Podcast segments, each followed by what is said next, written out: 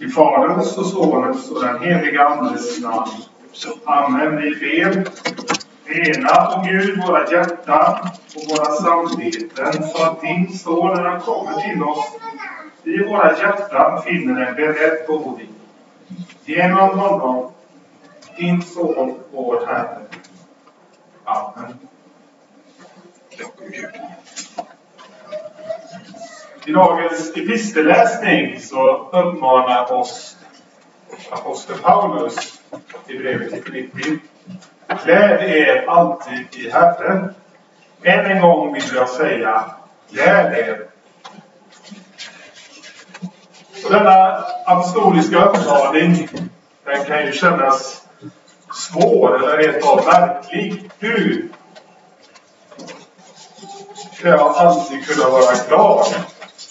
Är Paulus liksom alldeles verklighetsfrånvänd? Men han uppmanar oss att alltid vara glada. Hur kan jag vara glad när jag tänker på människor jag saknar? Eller på svårigheter som möter mig? Eller när jag ser och upplever mina egna brister, svagheter och synder? Hur ska jag alltid kunna vara glad? Förr eller senare så får vi alla uppleva onda dagar när vi med predikarens ord kan säga de ger mig ingen glädje. De ger mig ingen glädje. Sådana dagar får vi alla uppleva. Men Guds ord genom aposteln Paulus, gläd er alltid i Herren. Än en gång vill jag säga er glädje. kommer inte här med några glada hejarop eller fromma förhoppningar om att alla dagar skulle vara ljusa och lyckliga. Nej, vad Paulus talar om, det är ett faktum eller ett tillstånd som är oberoende av våra känslors vågsvall. Vi kan vakna upp en dag och känna oss alldeles nere. Vi kan vakna upp en dag och vara glada över den nya dagen. Men, beroende på hur våra känslor har det. Men vad Paulus talar om, det är ett tillstånd, ett faktum. För dig som är död och lever i tro på Jesus är varje dag en glädjedag. Och det är därför som aposteln säger, gläd er alltid i Herren. Han liksom vill påminna oss om detta. Han är min glädje. Han är min sång. Honom jag prisar livsdagen lång som sjunger en psalm. Hos honom, Herren Jesus, finns ingen växling. Och som Paulus också påminner oss i detta sammanhang, han är det alltid nära. Han är dig nära. Och allt det goda han vunnit åt dig, evigt liv, barnaskap hos Gud och hopp om en evig salighet. Det är ingenting som vacklar så att det ena dagen finns där och andra dagen inte finns där. Utan det är någonting som är fast och beständigt och som alltid är en källa till glädje varje dag. Du och jag, våra känslor och våra liv kan vackla.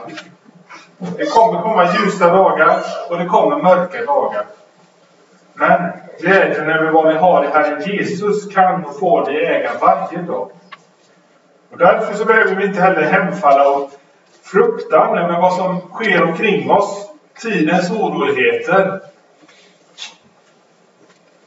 Eller bekymmer för framtiden. Och det kan ju gälla pandemi eller klimat eller vad som helst kan möta oss som vi kan känna fruktan och ängslan över. Vi kan inte helt undgå dessa saker, men vi får möta dem med den förvissningen om att vi har vår djupaste glädje och vårt fasta hopp hos Jesus Kristus. Den bestående glädjen. Och därför så får vi också börja denna vår gudstjänst med att vända oss till honom som är vår glädje. Och det får vi göra med en bekännelse över att vi ofta glömmer bort var vår glädje finns. Att vi ofta söker vår glädje i det som är förgängligt. Som finns en tid och sen försvinner. Och som är, i förlängningen bara leder oss till besvikelse och nedstämdhet över vår tillvaro. Tänk om vi istället kunde få ha det så som psalmisten uttrycker det. Vem har jag i himlen utom dig? När jag har dig frågar jag inte efter något på jorden. När jag har dig frågar jag inte efter något på jorden. Och så har du det, du som genom dopet tillhör Kristus och lever med honom. Och då saknar du i djupaste mening ingenting. Och därför så heter det också att när vi firar nattvarden så talar man också ibland om att vi firar eukaristin. Eukaristi, det är det grekiska ordet för tacksägelse. När vi firar nattvarden här idag så gör vi det i stor tacksamhet och glädje över att vi får ta emot den gåva som Kristus har skänkt oss. I det att vi får kallas Guds barn genom dopet och tron. Och i den gåva som han skänker åt oss när vi tar emot hans kropp och hans blod i nattvarden. Det som är beviset på att vi för hans skull får tro våra synders förlåtelse. Så låt oss därför nu be och bekänna.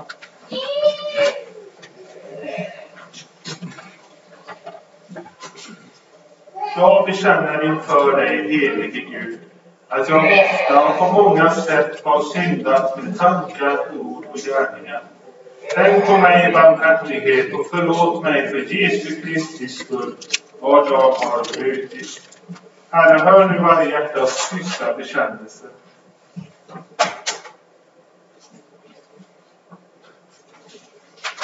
Jesu Guds Sons blod renar oss från all synd.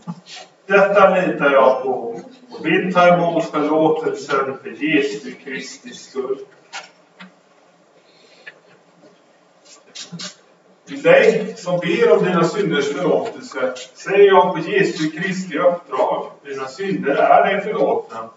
I Faderns och Sonens och den heliga Andes namn. Amen. Käre Fader i himmelen, vi tackar dig för syndernas förlåtelse genom Jesus Kristus, vår Herre. Amen. Herren vare.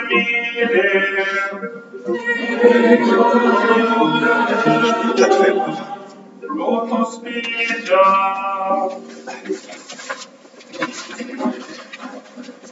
Herre vår Gud, du som på nytt låter oss glädjas med Maria över din Sons ankomst. Ge oss nåd att ta emot honom som vår frälsare, så att vi också kan vara trygga vid hans återkomst. Genom din Son Jesus Kristus, vår Herre. Amen. Vi ska lyssna till Herrens ord idag på den fjärde söndagen i advent. Och då lyssnar vi först till Herrens ord i dagens gamla testamentliga läsning ur Första Moseboken.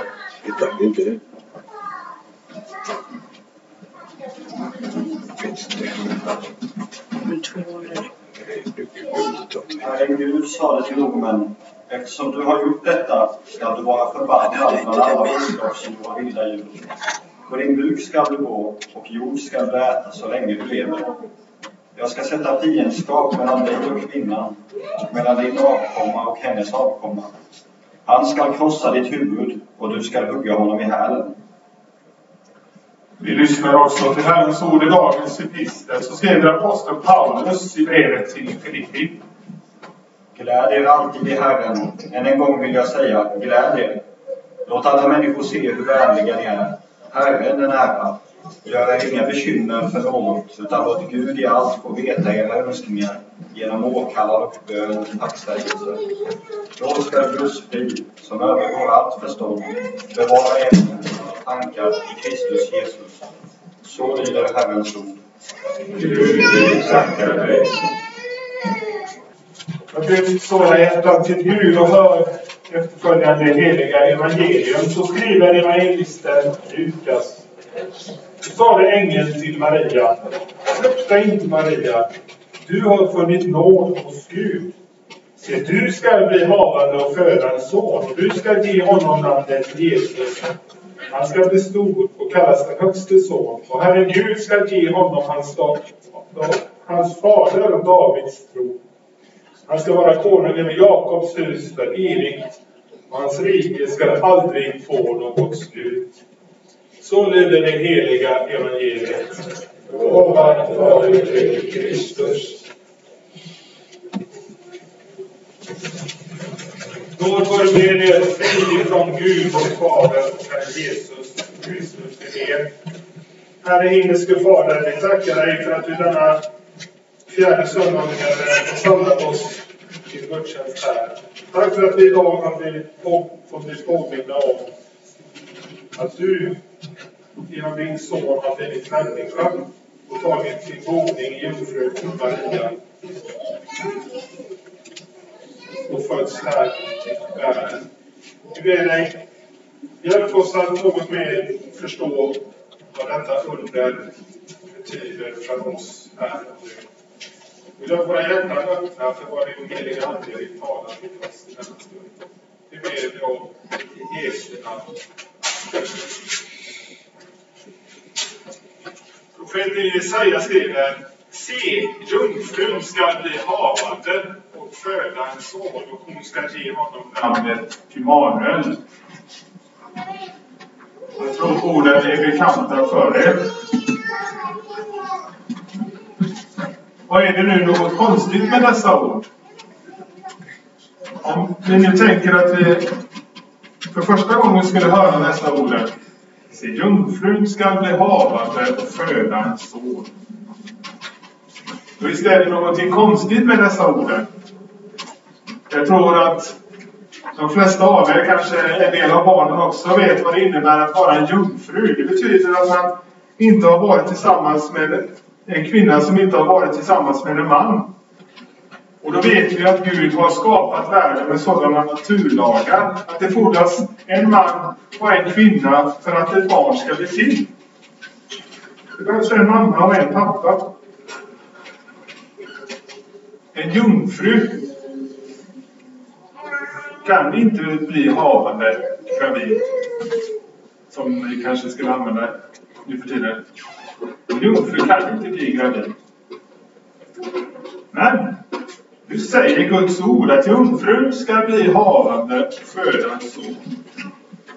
Och som vi hörde i dagens evangelium, orden går i uppfyllelse när Gud tar mänsklig gestalt genom jungfrun Maria. Och detta och är så avgörande för det som är vår kristna tro att detta har blivit en, en sats i vår trosbekännelse. I vår kristna tro. Som sammanfattas på inte mindre än liksom ett, ett halvt blad i psalmboken. Så viktigt är detta att Jesus Kristus är avlad av den heliga Ande, född av jungfru Maria. Att det nämns i vår trosbekännelse. Men eftersom det är någonting som går emot vårt förnuft, men vi vet ju det, det fordras en man och en kvinna för att det ska bli ett barn. Så kan det vara svårt att tro att det verkligen är på detta viset. Och därför så är det också många som liksom försöker bortförklara detta. Till och med också bland sådana som säger sig tro på Jesus och, och på Gud. Att man försöker bortförklara detta. Att det nog kan finnas någon naturlig förklaring till detta med att Jesus blev född av jungfru Maria. Men varför är det då så viktigt att fasthålla att Jesus verkligen är född av jungfru Maria? Vad är poängen med denna sats? Jesus född av jungfru Och vad har det för betydelse för oss idag? Kan vi liksom inte bara strunta i det där eftersom det är svårt att förstå? Nej, det har betydelse för oss. Och det är det som dagens predikan ska försöka svara på. Och därför så kan vi säga att som ett ämne, eller en rubrik för predikan, och det kan ju särskilt ni konfirmander tänka på och anteckna. Så ställer vi den frågan, varför är det viktigt att Jesus är född av jungfrun Maria? Varför är det viktigt att Jesus är född av jungfrun Maria? Och det första som vi kan svara på det, det är att Guds ord säger det. Guds ord säger det. Och det är egentligen ett svar som, eh, som räcker. Att Guds ord säger det. Vi hörde Simon läser den gamla testamentliga läsningen redan i Bibelns första bok, i det tredje kapitlet. Efter skapelsens morgon, när människorna just hade fallit i synd, så kommer Gud med ett löfte. Han säger till ormen, jag ska sätta fiendskap mellan dig och kvinnan och mellan din avkomma och hennes avkomma. Redan här förutsäger Gud detta med att jungfrun ska bli havande. Fast han gör det med ett andra ord. Han talar om kvinnans avkomma. Kvinnans avkomma, eller säd, ska krossa ormens huvud. Hur är det möjligt att kvinnan ska få en avkomma utan en mans medverkan? Ja, Gud, skapelsens Herre, han som också har skapat våra naturlagar, han säger det. Och därför kan vi tro det. Längre fram bekräftar och förtydligar Gud sitt löfte genom de orden vi hörde inledningsvis när vi hörde Jesaja skriva Se upp, för nu ska bli havande och födas så. Hon ska ge honom namnet Emanuel. Guds ord måste gå i uppfyllelse. Och det gör det också.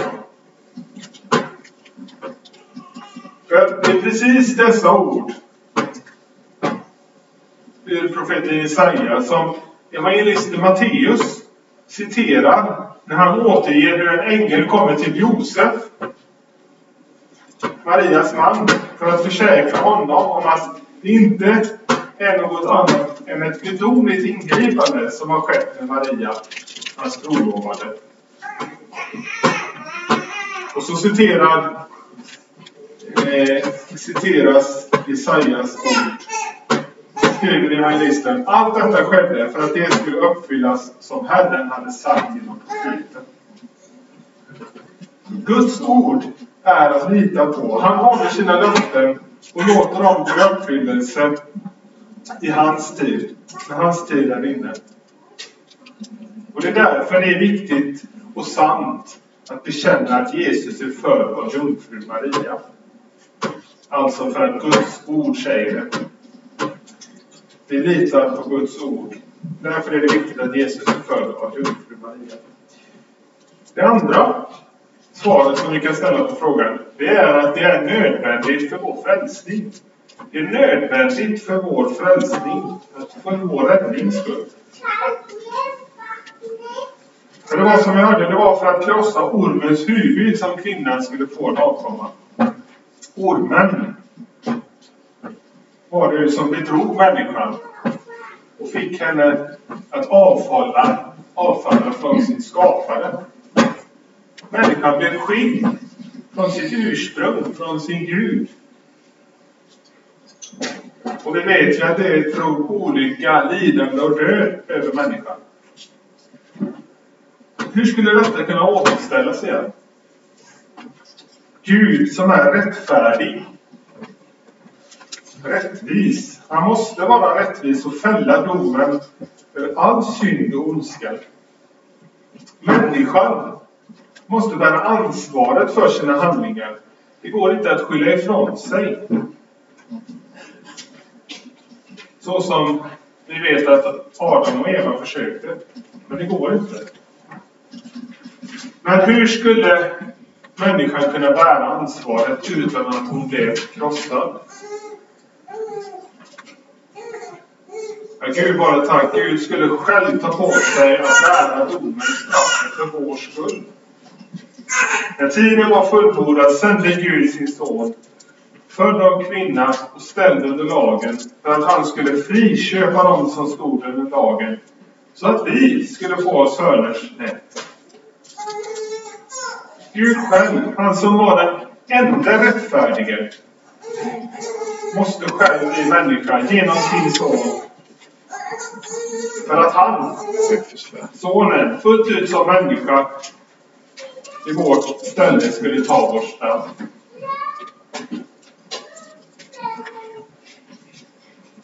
Hans ursprung är, som vi läser i katekesen, att han är sann Gud född av Fadern i evighet. Och även sann människa, född av jungfru Maria. Han måste vara det. Han måste vara både Gud och människa för att kunna vara vår frälsare.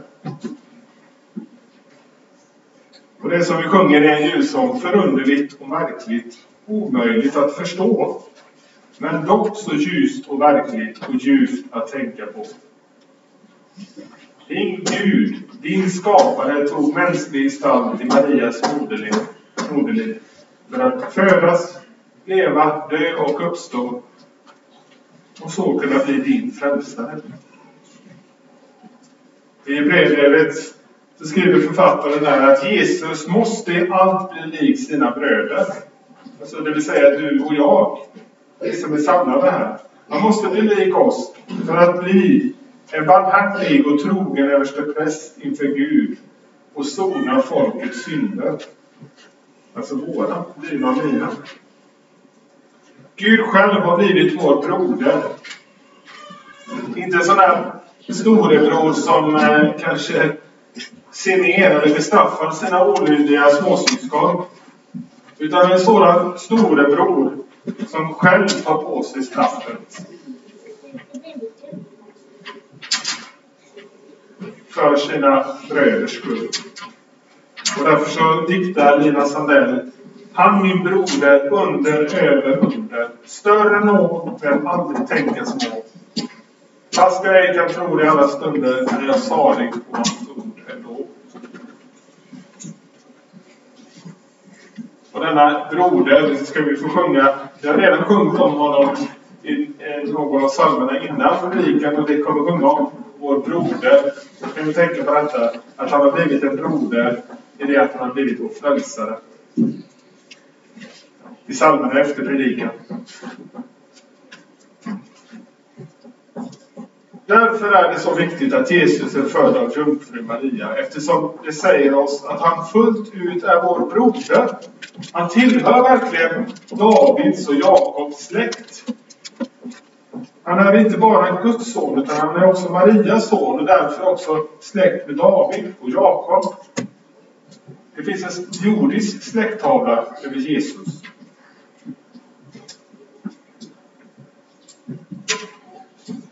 Men han är alltså också den högste son. Gud av Gud, ljus av ljus, sann Gud av sann Gud, född och icke skapad av samma väsen som Fadern. Och så måste det vara för att han ska kunna vara vår verkliga frälsare. Frälsare, räddare på riktigt. Och det är vår tro, vår trosbekännelse. Det tredje svaret på varför det är så viktigt att Jesus är född av jungfru Maria. Men det betyder att Gud inte föraktar människan. Gud föraktar inte människan. För många så är det motbjudande att tänka sig att Gud, som liksom man tänker sig så ren och helig att han inte skulle kunna bli människa.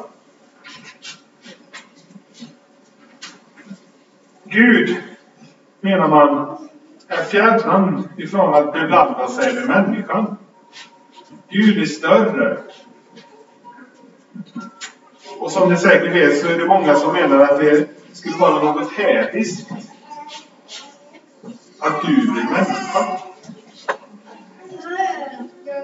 Hur skulle Gud kunna beblanda sig med oss människor där det finns så mycket ondska och elakhet och synd. Ja, det är sant att Gud inte tål detta och att han inte kan leva med den synd och ondska som bor bland människorna.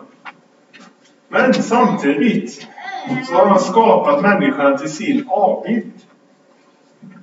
I hans ögon så är inte människan bara ett medel. Det var inte så att Gud skapade människan för att liksom eh, styra eh, hans skapelse här på jorden. Utan han skapade människan med ett bestämt syfte. Att människan, det vill säga du och jag och alla människor, skulle vara hans avbild. Och därför så är det inte bara ett medel, ett verktyg i hans hand, utan hans älskade ögonsten.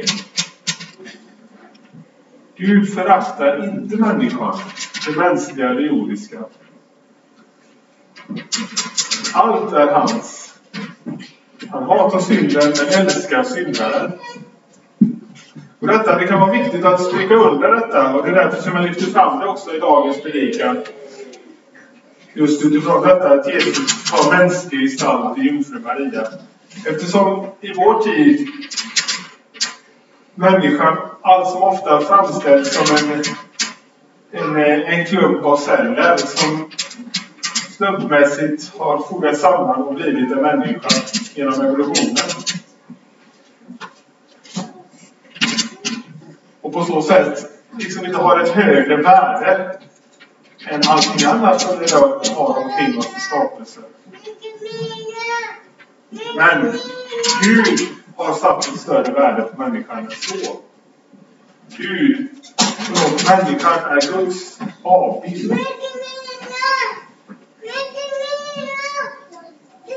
Och därför så är det ingen främmande tanke för honom att bli just människa för att frälsa mänskligheten. Hans kärlek driver honom till det. Ingen har större kärlek än att han ger sitt liv för sina vänner. Så älskade Gud världen. Och den som har blivit gripen av denna kärlek förstår därför att Gud inte föraktar människan, skapelsens krona. Han älskar henne, inte för hennes ena eller andra förmåga eller talang. Så som det lätt blir i en, en värld där man lever utan en skapare som har satt ett oändligt värde som människa. Så då värdesätter vi människor utefter deras förmågor och talanger. Men Gud älskar människan för sin egen skull, för att hon är hans avbild. Och då spelar det ingen roll om du är man eller kvinna, om du är gammal eller ung, om du ännu inte är född, eller på grund av den ena eller andra omständigheten kanske är helt oförmögen att göra något. Det spelar ingen roll. Gud föraktar ingen människa. Varje människa är värd vår uppmärksamhet, vår omtanke och vår kärlek. Därför att Gud har skapat henne och därför att Gud själv blev människa. Han blev en av oss.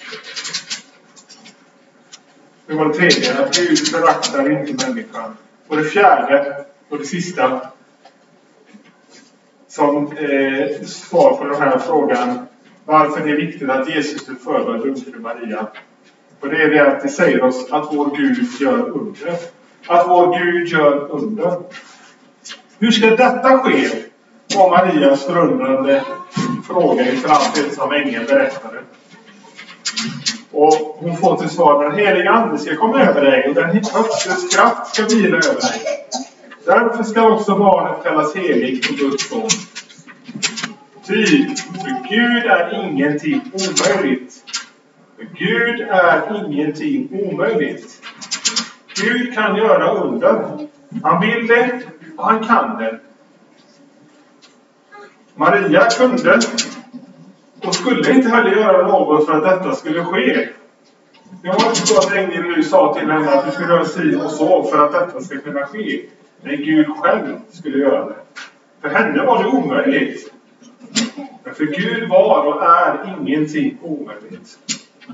Och därför, mina vänner, så vill Gud också låta det största undret ske också med dig och mig.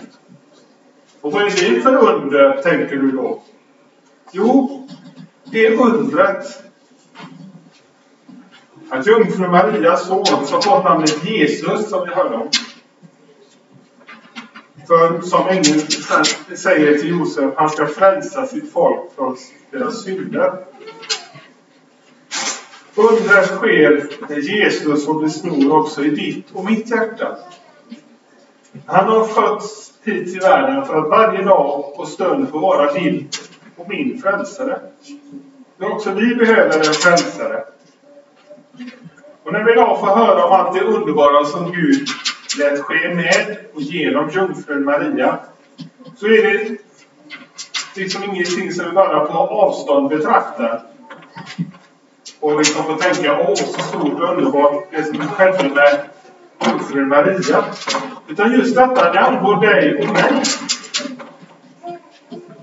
Det är inte i första hand Maria detta handlar om, utan det är Jesus det handlar om. Och vad han vill göra med oss alla, var och en. Det var därför han blev människa. Och därför så får vi med förtröstan och tillit be och säga med jungfru Maria inför det stora som Gud låter ske med oss genom Jesus Kristus. När hon säger Jag är Herrens tjänarinna. Må det ske med mig som du har sagt. Ja, Herre, gör också med mig vad du finner för gott. Och om det får ske, ja, då kan vi verkligen få fira en god och välsignad jul. Amen. Lova vare du Gud välsignad i evighet. Du som är ditt ord tröstar, lär, förmanar och varnar oss. Helige Ande, skriv ordet i våra hjärtan så att vi inte blir svenska hörare utan varje dag vill se till i tro, hopp, kärlek och tålamod intill tidens slut och bli saliga. Genom Jesus Kristus, vår Herre. Amen. Låt oss nu gemensamt bekänna vår heliga kristna tro. Vi tror på Gud, Fader allsmäktig, himmelens och jordens skapare. Vi tror på Jesus Kristus, hans enfödde Son, vår Herre, vilken är avlad av den heliga Ande, född av jorden Maria, helad under Pontius Pilatus, korsfäst och begraven, nederstigen till dödsriket, på tredje dagen uppstånden igen ifrån döda, uppstigen till himmelen, sittande på allsmäktig Gud Faders högra sida, därifrån igenkommande till att döma levande och döda. Vi tror också på det heliga landet. en helig allmänlig kyrka, det heliga samfund, syndernas förlåtelse, dödas uppståndelse och ett evigt liv.